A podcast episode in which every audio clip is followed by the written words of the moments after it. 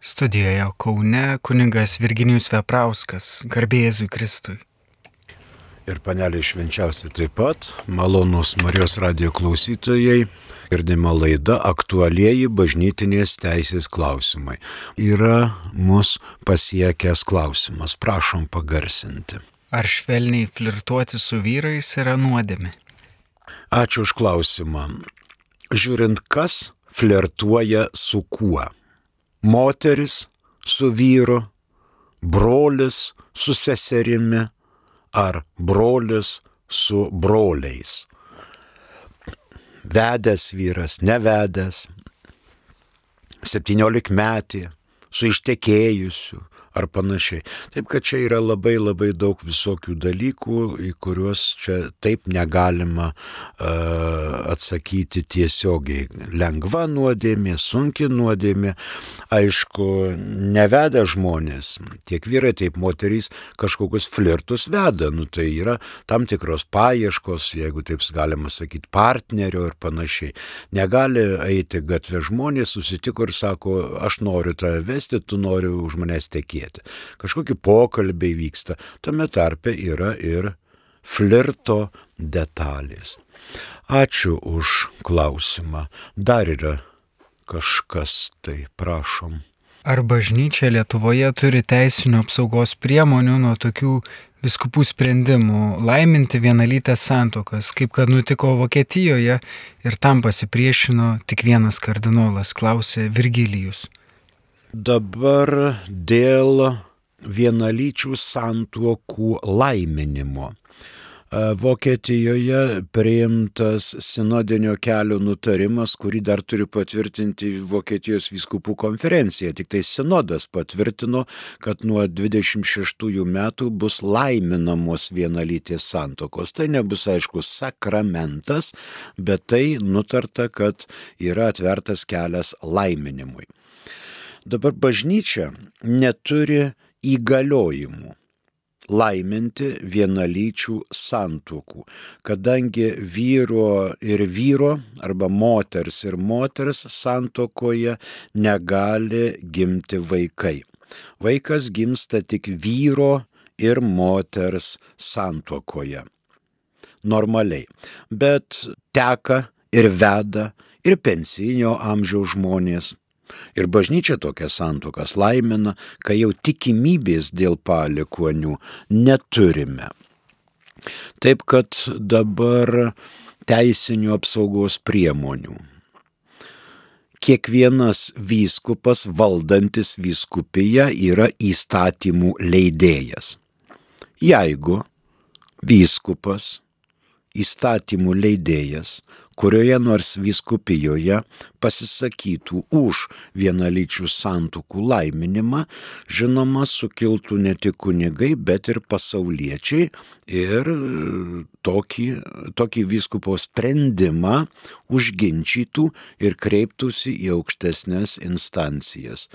Toks viskupas neturėtų ateities.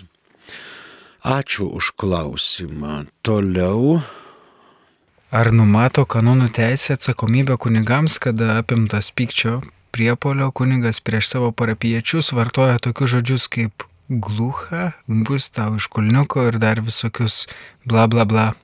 Visokie bla bla bla.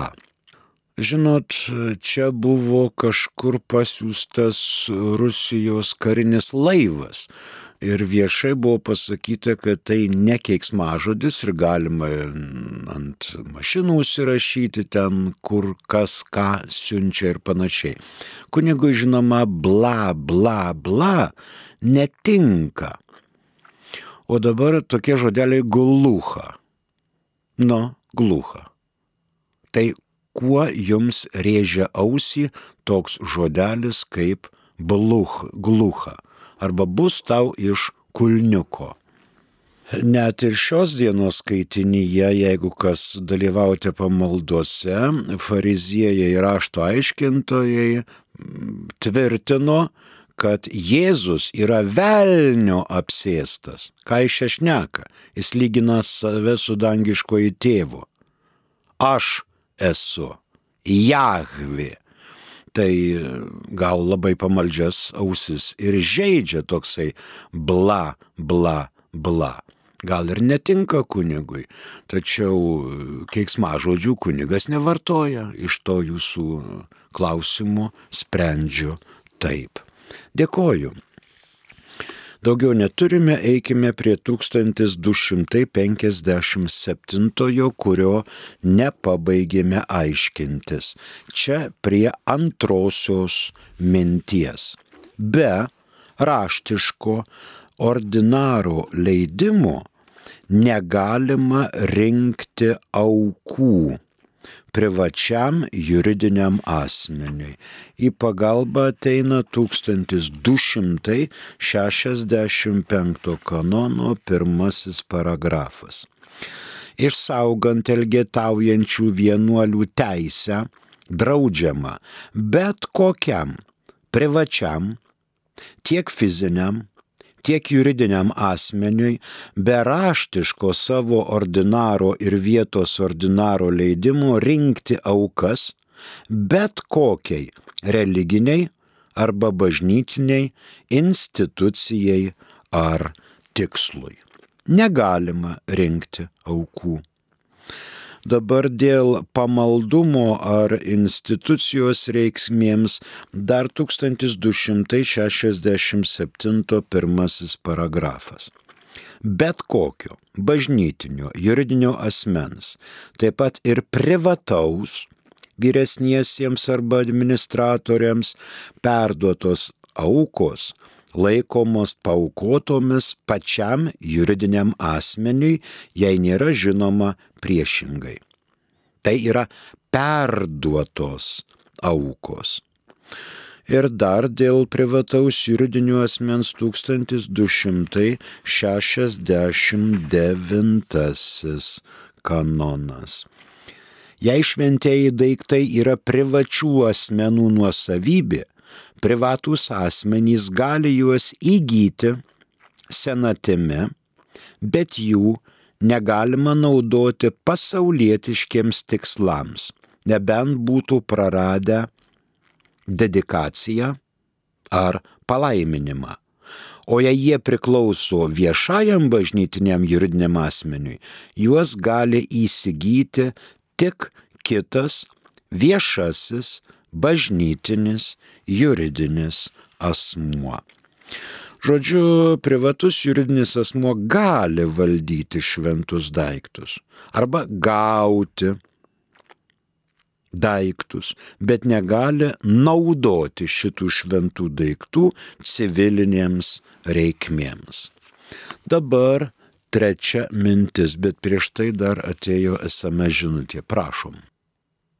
Garbėzui Kristui ar pravoslavą žmogų galima laidoti katalikų bažnyčioje be vietos ordinaro, vyskupo leidimo ar vyskupo leidimas privalomas.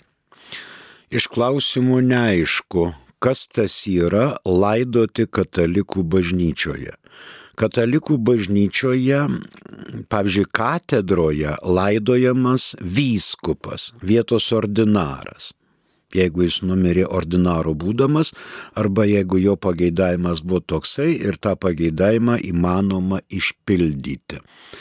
Katalikų bažnyčioje dabar laidojami ir klebonai, tai paprastai ant šventoriaus, bet ne pačioje katalikų bažnyčioje. E, pravoslavų. Nuvaikite į Kauno arkikatedrą baziliką ir rasite, kad ten yra palaidotas taip pat asmuo priklausęs pravoslavų bažnyčiai. Caro valdymo laikais niekas neklausė klebonų, bet numirė konsulo arba ambasadoriaus žmona, pravoslavė grįžtant į Rusiją ir jinai buvo palaidota Kauno arkikatedroje bazilikoje. Dabar laidotuvės tai nėra sakramentas, tai yra sakramentalija. Ir dabar kodėl pravoslavas norėtų laidotis katalikų bažnyčioje, jeigu jau taip? Neturiu atsakymų. Čia reikia žiūrėti, kokie pageidavimai kas per asmuo, kodėl jis nori taip ar ne taip ir kodėl reikia jį laidoti pravoslavą katalikų bažnyčioje. Ačiū. Trečioji mintis prie 1257.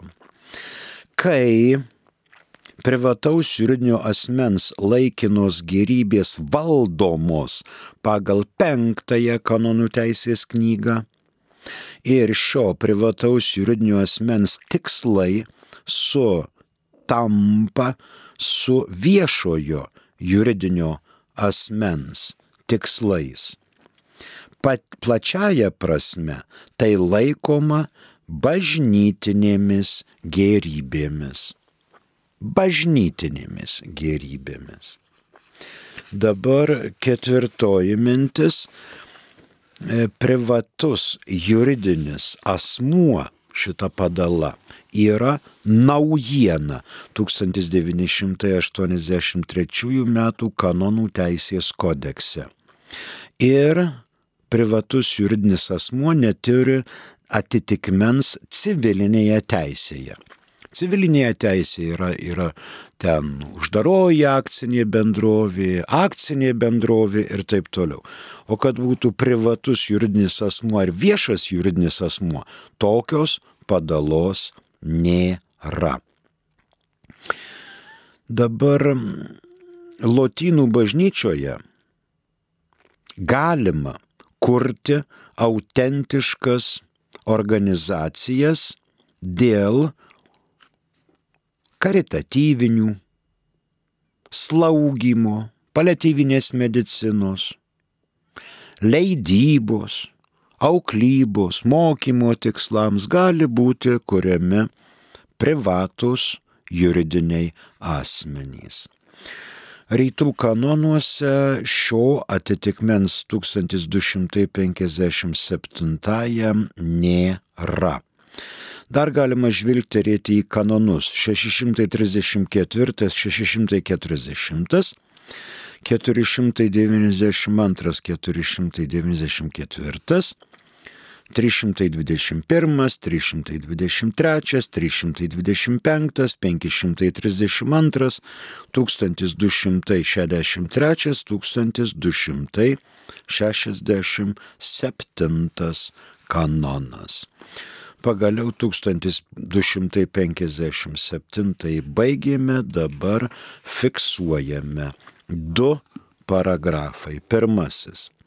Visos laikinosios gerybės priklausančios visuotiniai bažnyčiai, apaštalų sostui ar kitiems bažnyčioje esantiems viešiesiems juridiniams asmenims yra bažnytinės gerybės ir tvarkomos toliau išdėstytų kanonų ir savų statutų. Antrasis. Privataus juridinio asmens laikinosios gerybės tvarkomos savų statutų, o ne šių kanonų, nebent aiškiai būtų nustatyta kitaip. Dabar e, mus pasiekė dar SMS žinutė, prašom pasiekė ir skambutis paskambino Algis iš Kauno. Mm. Norėjau sužinoti. Taip. Kunigas Kupas Saulis yra paskirtas Romos švento popiežiaus ar kitos instancijos.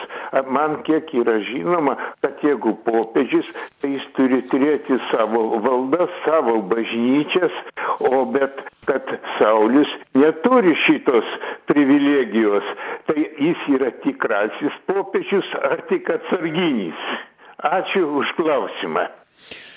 Mano žiniomis kunigo Sauliaus Bužauskų dar niekas popiežiumi neišrinko. Kol kas. Nežinia, kaip bus ateityje. Kuniga Saulių Bužauską paskyrė jo šventenybė popiežius Pranciškus. Vyskupu. Bet ne Kauno vyskupu. Kauno arkivyskupo auxiliaro, reiškia pagalbininku. Kur metropolitas lieps, ten jisai vykdys savo vyskupišką veiklą. Jis kol kas, kunigas Saulis Bužauskas, yra vyskupas nominantas, dar neprieimė sakros ir balandžio mėnesį bus konsekruojamas Kauno arkikatedroje bazilikoje.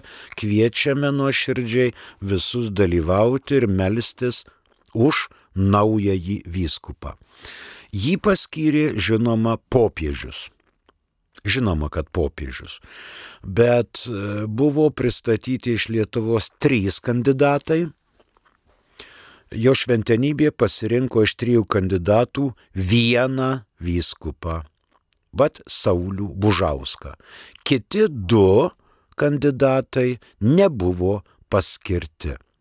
Mes sveikiname kunigą Saulių Bužauską, kuris ruošiasi vyskupo šventimams ir suteiks didžiulę pagalbą Kauno arkivyskupijai. Ačiū. Turime padėką, klausytojas dėkoja kunigui Veprauskui už konkrečius ir žinių pagrindą atsakytus klausimus. Dabar tada kitas klausimas. Ir taip pat parašė metodijus iš Prienų Kristaus apsireiškimo parapijos. Laudėtų Jėzus Kristus. Sekulė sekuliorum. Amen. Gerbiamas klebonė, prašau pakomentuoti panašumus ir skirtumus tarp tokių garbingų titulų kaip vyskupas koadjutorius ir vyskupas auxiliaris, kaip tai apibrėžia Codex Juris Canonici. Šie du vyskupai, vyskupas koadjutorius ir vyskupas auxiliaras yra valdančio vyskupo arba vietos vyskupo pavaduotojai vyskupas auxiliaras neturi paveldėjimo teisės.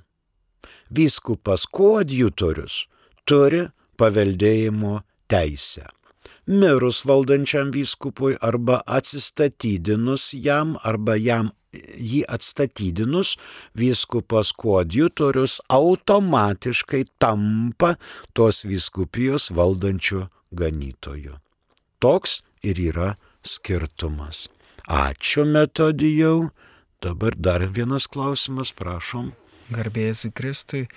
Ar galima inicijuoti prie katedros muzikos mokyklėlę ar muzikos pamokėlės? Kaip tai įmanoma?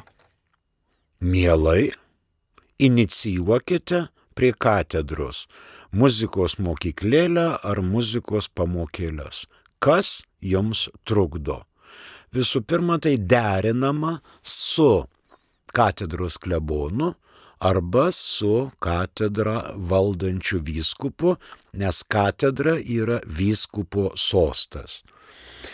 Ir vyskupas pasakys savo nuomonę apie šios mokyklėlės ar pamo, muzikinių pamokėlių kompetenciją ir lygį. Galbūt sakys, kad čia dar tik darželio lygis, pradėkite nuo atokiau, kol priauksite iki muzikos mokyklėlės lygio. Gali visko būti. Ačiū. Kitas klausimas. Modestas iš Kretingos Taip. klausia, ar išsituokę asmenys, gyvenantis atskirai, būdami vieniši, gali eiti iš pažinties ir primti švenčiausiai sakramentą? Taip, gali. Jeigu jie yra išsituokę bažnyčioje, jie būdami vieniši paprastai susiranda kitą asmenį ir gali sudaryti naują santoką. Nebent bažnytinėme tribunole sprendime parašyta kas kita.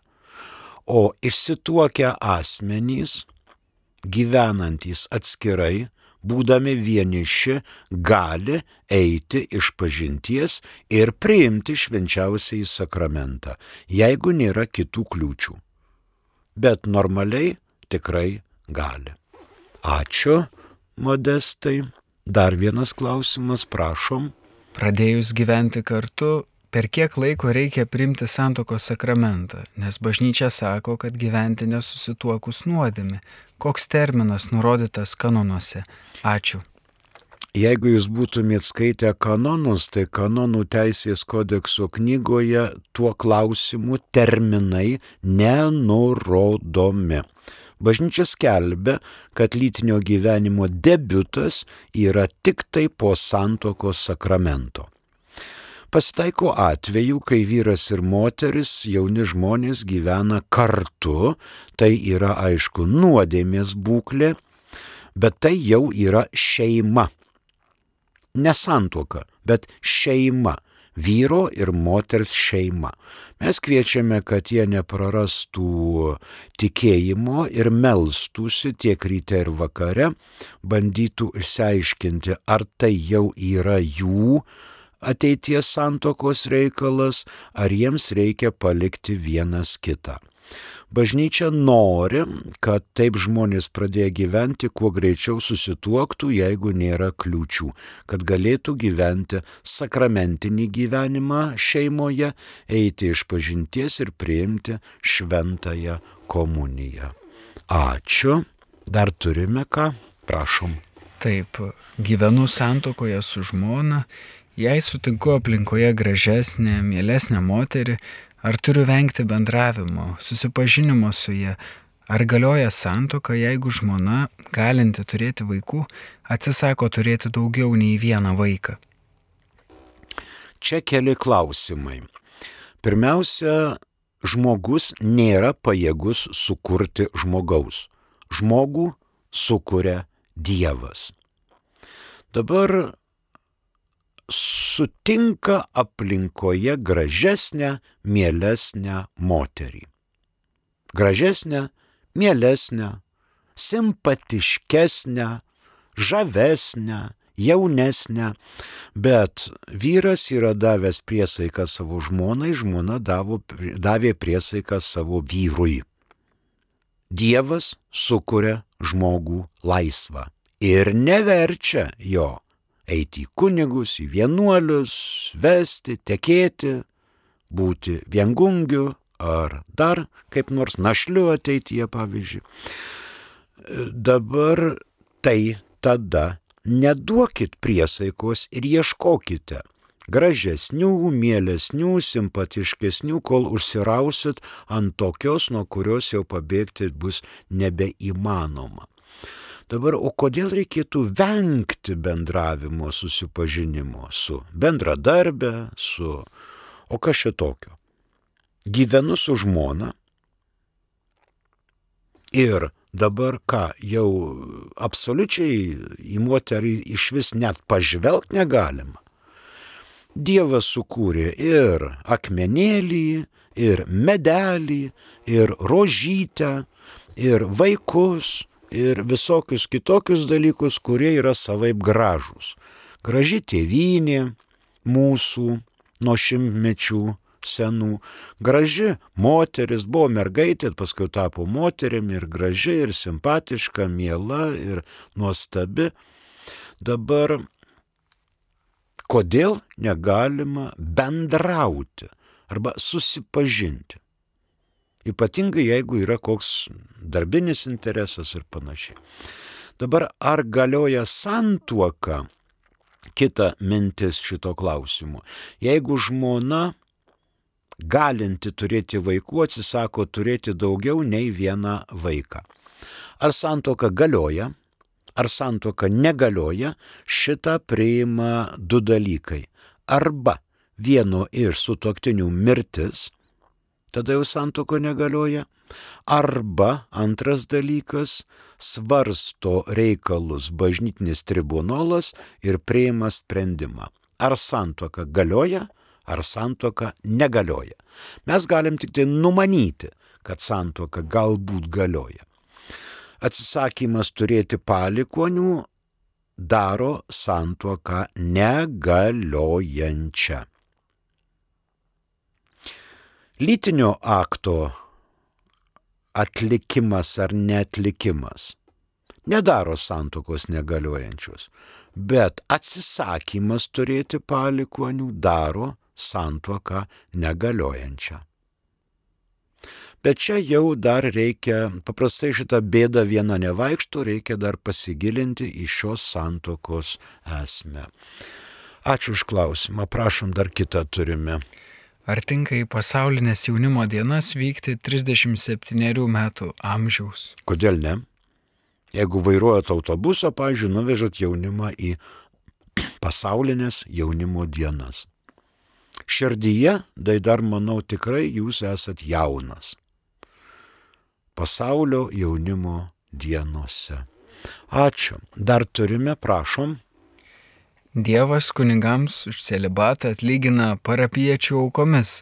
O kaip Dievas atlygins už celibatą pasauliečiui?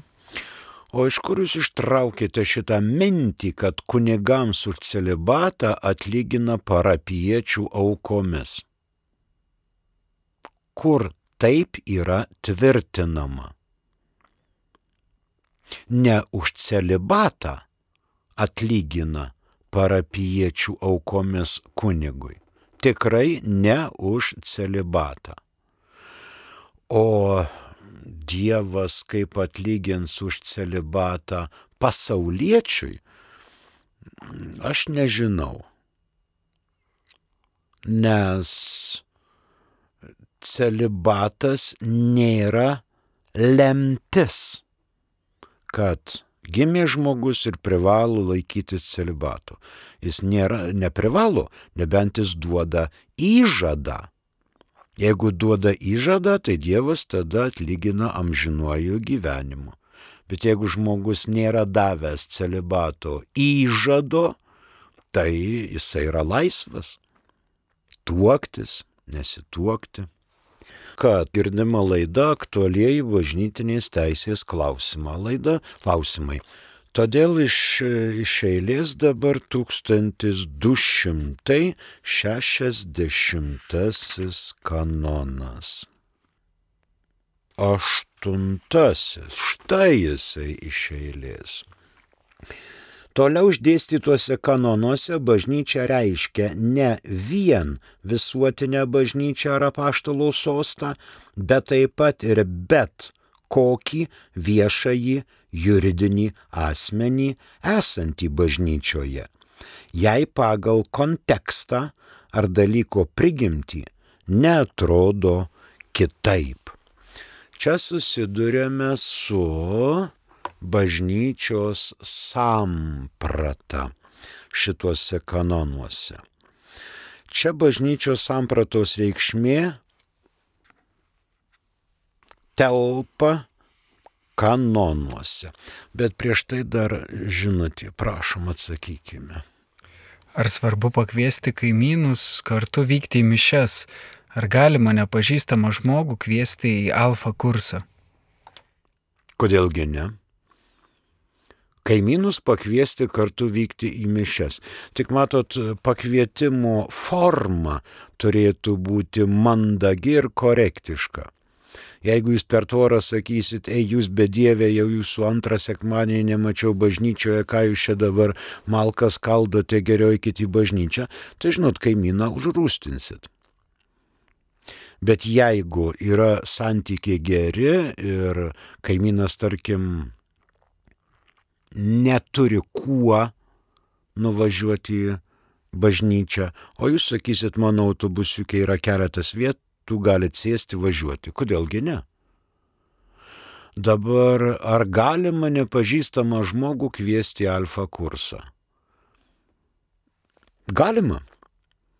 Ir reikia pirmiausia nepažįstamam žmogui paaiškinti, ne taip, kad einu e, savanorių prospektų Vilniuje, sutikau pirmą pasitaikusį Jehovistą ir sakau, ateik į alfa kursą.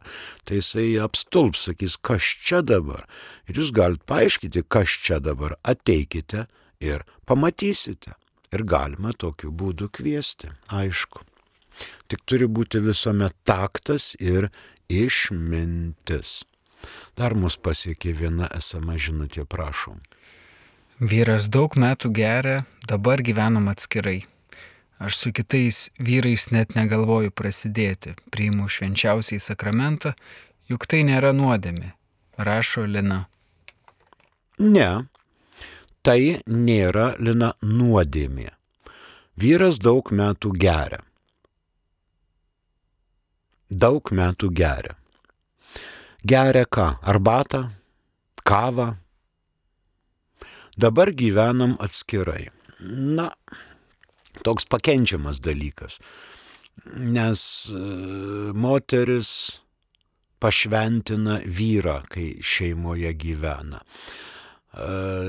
su kitais vyrais net negalvojate prasidėti, priima švenčiausią sakramentą. Bet prieš švenčiausią sakramentą priimant reikia dar atlikti išpažinti. Ir jeigu šiandien atlikot išpažinti ir priėmėt švenčiausiai sakramentą ir nepadarot nuodėmės, dar galite eiti sekmadieniais prie komunijos ir per verbas, ir per Velykas, ir per atvelykį, ir toliau, gal net kokį mėnesį kitą, jeigu nepadarot sunkios nuodėmės. Bet jeigu atsitinka sunki nuodėmė, jau reikia vėl eiti iš pažinties.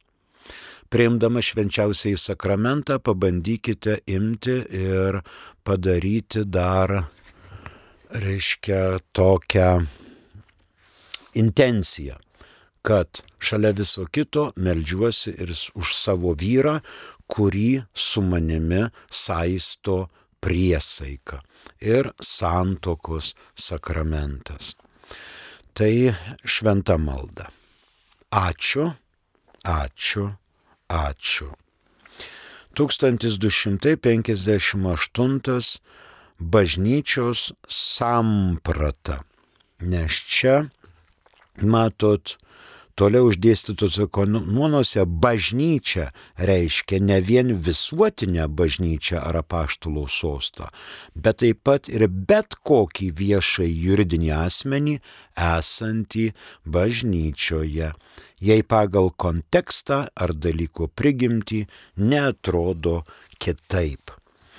Na čia 1266 visose bažnyčiose ir oratoriumuose, taip pat priklausančiuose vienuoliniams institutams, faktiškai nuolat atviruose Kristaus tikintiesiems, vietos ordinaras gali įsakyti rinkti specialias konkretiems parapijos, vyskupijos, nacionaliniams ar visuotiniams projektams skirtas rinkliavas, kurios vėliau rūpestingai turi būti perduotos vyskupijos kūrijai. Tai va, nėra bažnyčia vien bažnyčios pastatas, bet ir kiti dalykai. 1309 kanonas. 1309 kanonas dar iliustruoja. Šiai valdžiai, apie kurią kalbama 1308-ame, dar priklauso gale dėl tinkamos priežasties perkelti mišių prievolės į kitas dienas, kitas bažnyčias ar prie kitų altorių, negu nustatyta fundacijoje. Čia dėl fundacijų. Kad tai ne vien tik bažnyčia, bet ne vien tas ar kitas pastatas. Dabar kita nuosavybės tema. 1256 jau mūsų nagrinėtas gerybių nuosavybė vadovaujant anksčiausiai Romos popiežiaus valdžiai priklauso tam juridiniam asmeniui, kuris šias gerybės teisėtai įsigijo. Ateina į pagalbą dar 635 kanonas. 635 kanonas ateina į pagalbą mums. Pirmasis paragrafas. Kadangi vienuolinių institutų laikinosios gerybės yra bažnytinės, jos tvarkomos pagal penktosios knygos bažnyčios laikinosios gerybės nuostatas, nebent aiškiai būtų nustatyta kitaip. Na, mūsų laikas išseko, ačiū labai Jums už klausimus, jeigu kokių minčių dar kils, mielai prašome, galite parašyti kitose laidose, atsakysime. Gerų verbų Į verbas atsinešame augusią šakelę, nuskintą, nulaužtą, bet ne celofaninę, plastikinę ar plasmasinę kokią gėlę. Turi būti gyva. Ateinantį sekmadienį verbos dar kitą Velykos. Užlaikom gavėnios rimtį.